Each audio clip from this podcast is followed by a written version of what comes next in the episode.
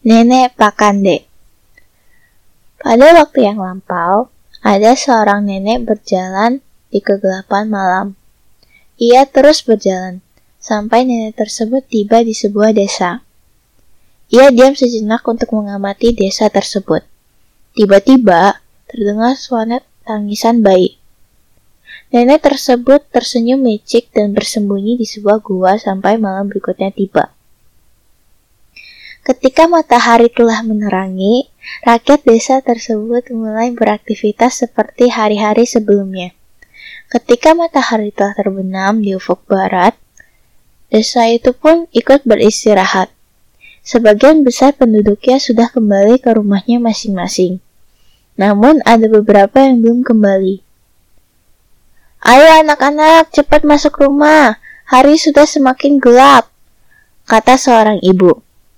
Ya, nantilah bu, sebentar lagi, kata anak-anak ibu tersebut.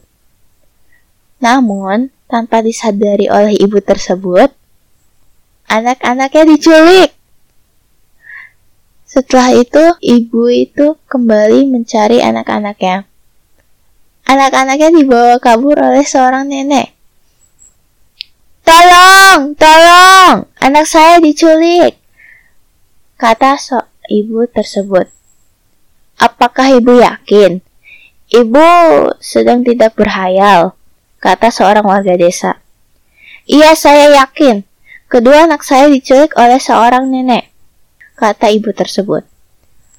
Baik, kami akan mencari anak-anak ibu. Warga-warga desa mengumpulkan beberapa orang untuk membantu mencari kedua anak yang hilang. Tapi hasilnya nihil. Mereka tidak menemukan kedua anak tersebut. Karena sampai larut malam mereka tidak menemukan kedua anak tersebut, warga desa setuju untuk melapor kepada kepala desa. Ada apa kalian ke sini? Tanya kepala desa. Maaf mengganggu pak. Tetapi salah satu ibu di desa ini kehilangan kedua anaknya.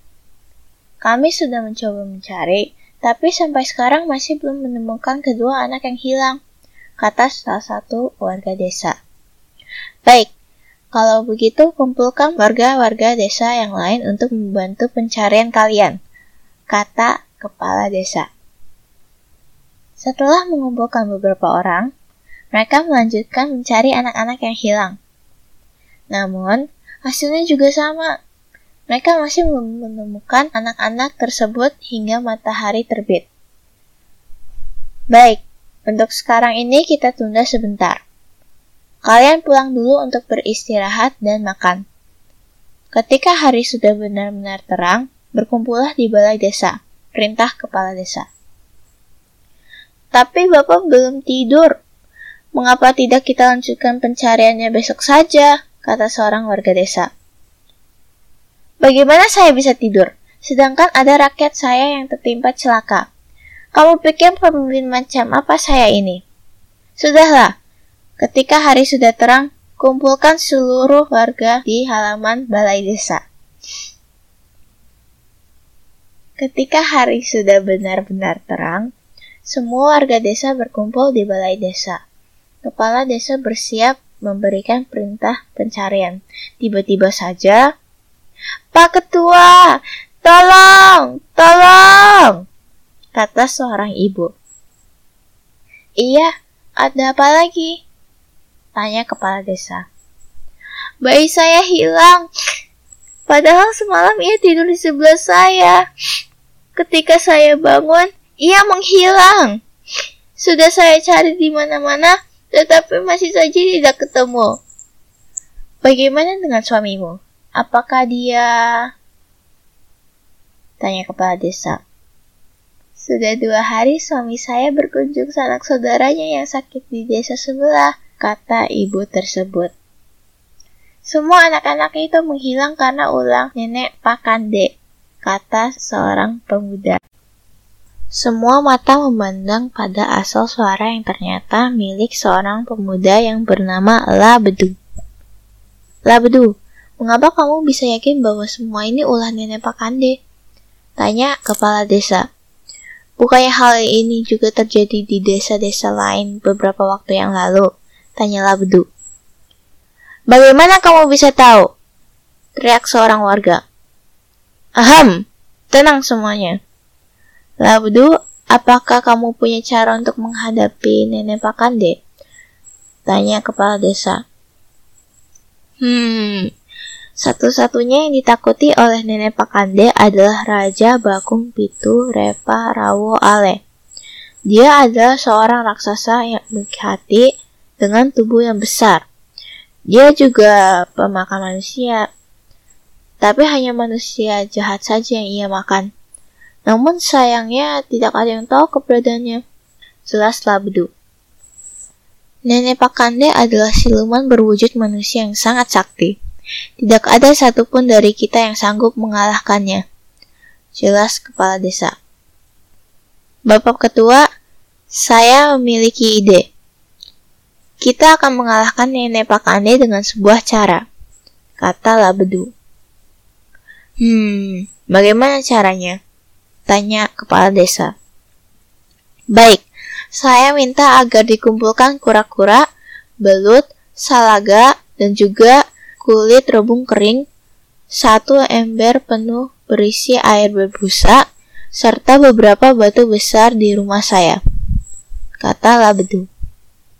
Baiklah, dengarkan baik-baik. Saya minta dikumpulkan kura-kura, belut, salaga, dan juga kulit rebung kering, satu ember penuh berisi air berbusa, serta sebuah batu besar. Cepat! Perintah kepala desa. Awalnya warga desa bingung, tapi keyakinan Labedu membuat warga desa yakin. Ketika semua barangnya sudah terkumpul, semua barang-barang yang telah kau minta telah terkumpul di sini. Sekarang jelaskan, apa yang akan kau lakukan dengan barang-barang ini? Tanya kepala desa.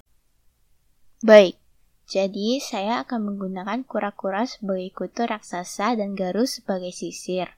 Sementara air berbusa ini akan saya gunakan sebagai air liur. Nah, yang terakhir, kulit rebung kering untuk pengeras suaranya. Jelas beduk. Berarti kamu akan menyamar menjadi raksasa yang ditakuti nenek Pakande? Tanya kepala desa. Betul sekali, Pak. Jawablah Bedu. Lalu, belut dan batu-batunya akan kamu gunakan sebagai apa? Tanya kepala desa. Nah, untuk belut-belutnya akan saya letakkan di anak tangga rumah saya nanti setelah nenek Pakande datang. Sedangkan batu-batunya akan diletakkan di sekitar tangga rumah saya. Jawab Labedu. Lalu, bagaimana menarik perhatian nenek Pak Kande? Tanya kepala desa. Seperti ini, Pak. Supaya rencana ini berjalan dengan sempurna, maka kita harus menggunakan bayi sebagai peralihan.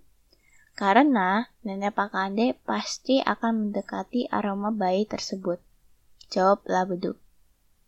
Oh, sekarang saya mengerti. Baik, sekarang bersiaplah, kata kepala desa. Malam tiba, dan Nenek Pakande pun memulai aksinya. Tapi, kok ada yang aneh ya?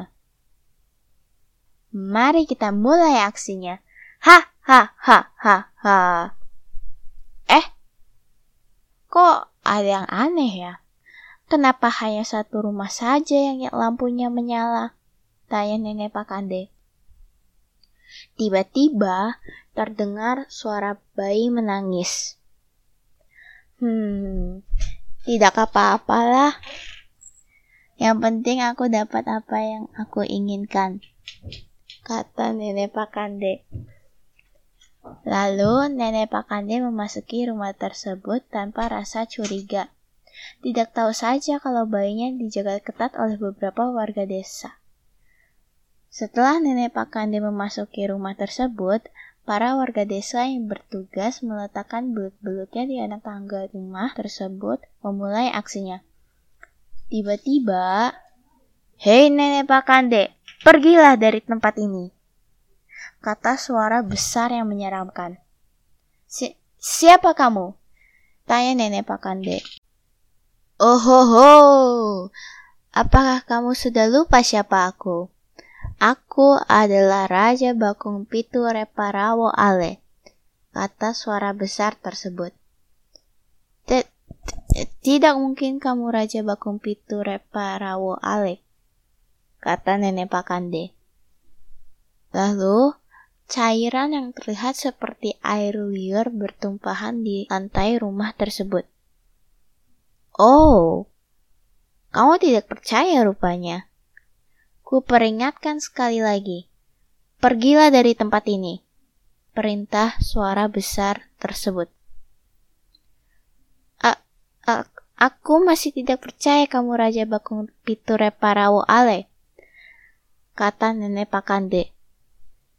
Nenek Pakande, kau benar-benar membuatku marah. Lihat, kepalaku panas sehingga kutu-kutu itu terjatuh kata suara besar itu. Lalu terdengar benda-benda keras berjatuhan ke lantai rumah tersebut. Mendengar itu, Nenek Pakande langsung ketakutan dan berkata, Baik, aku akan pergi, kata Nenek Pakande. Nenek Pakande dengan perlahan berjalan mundur.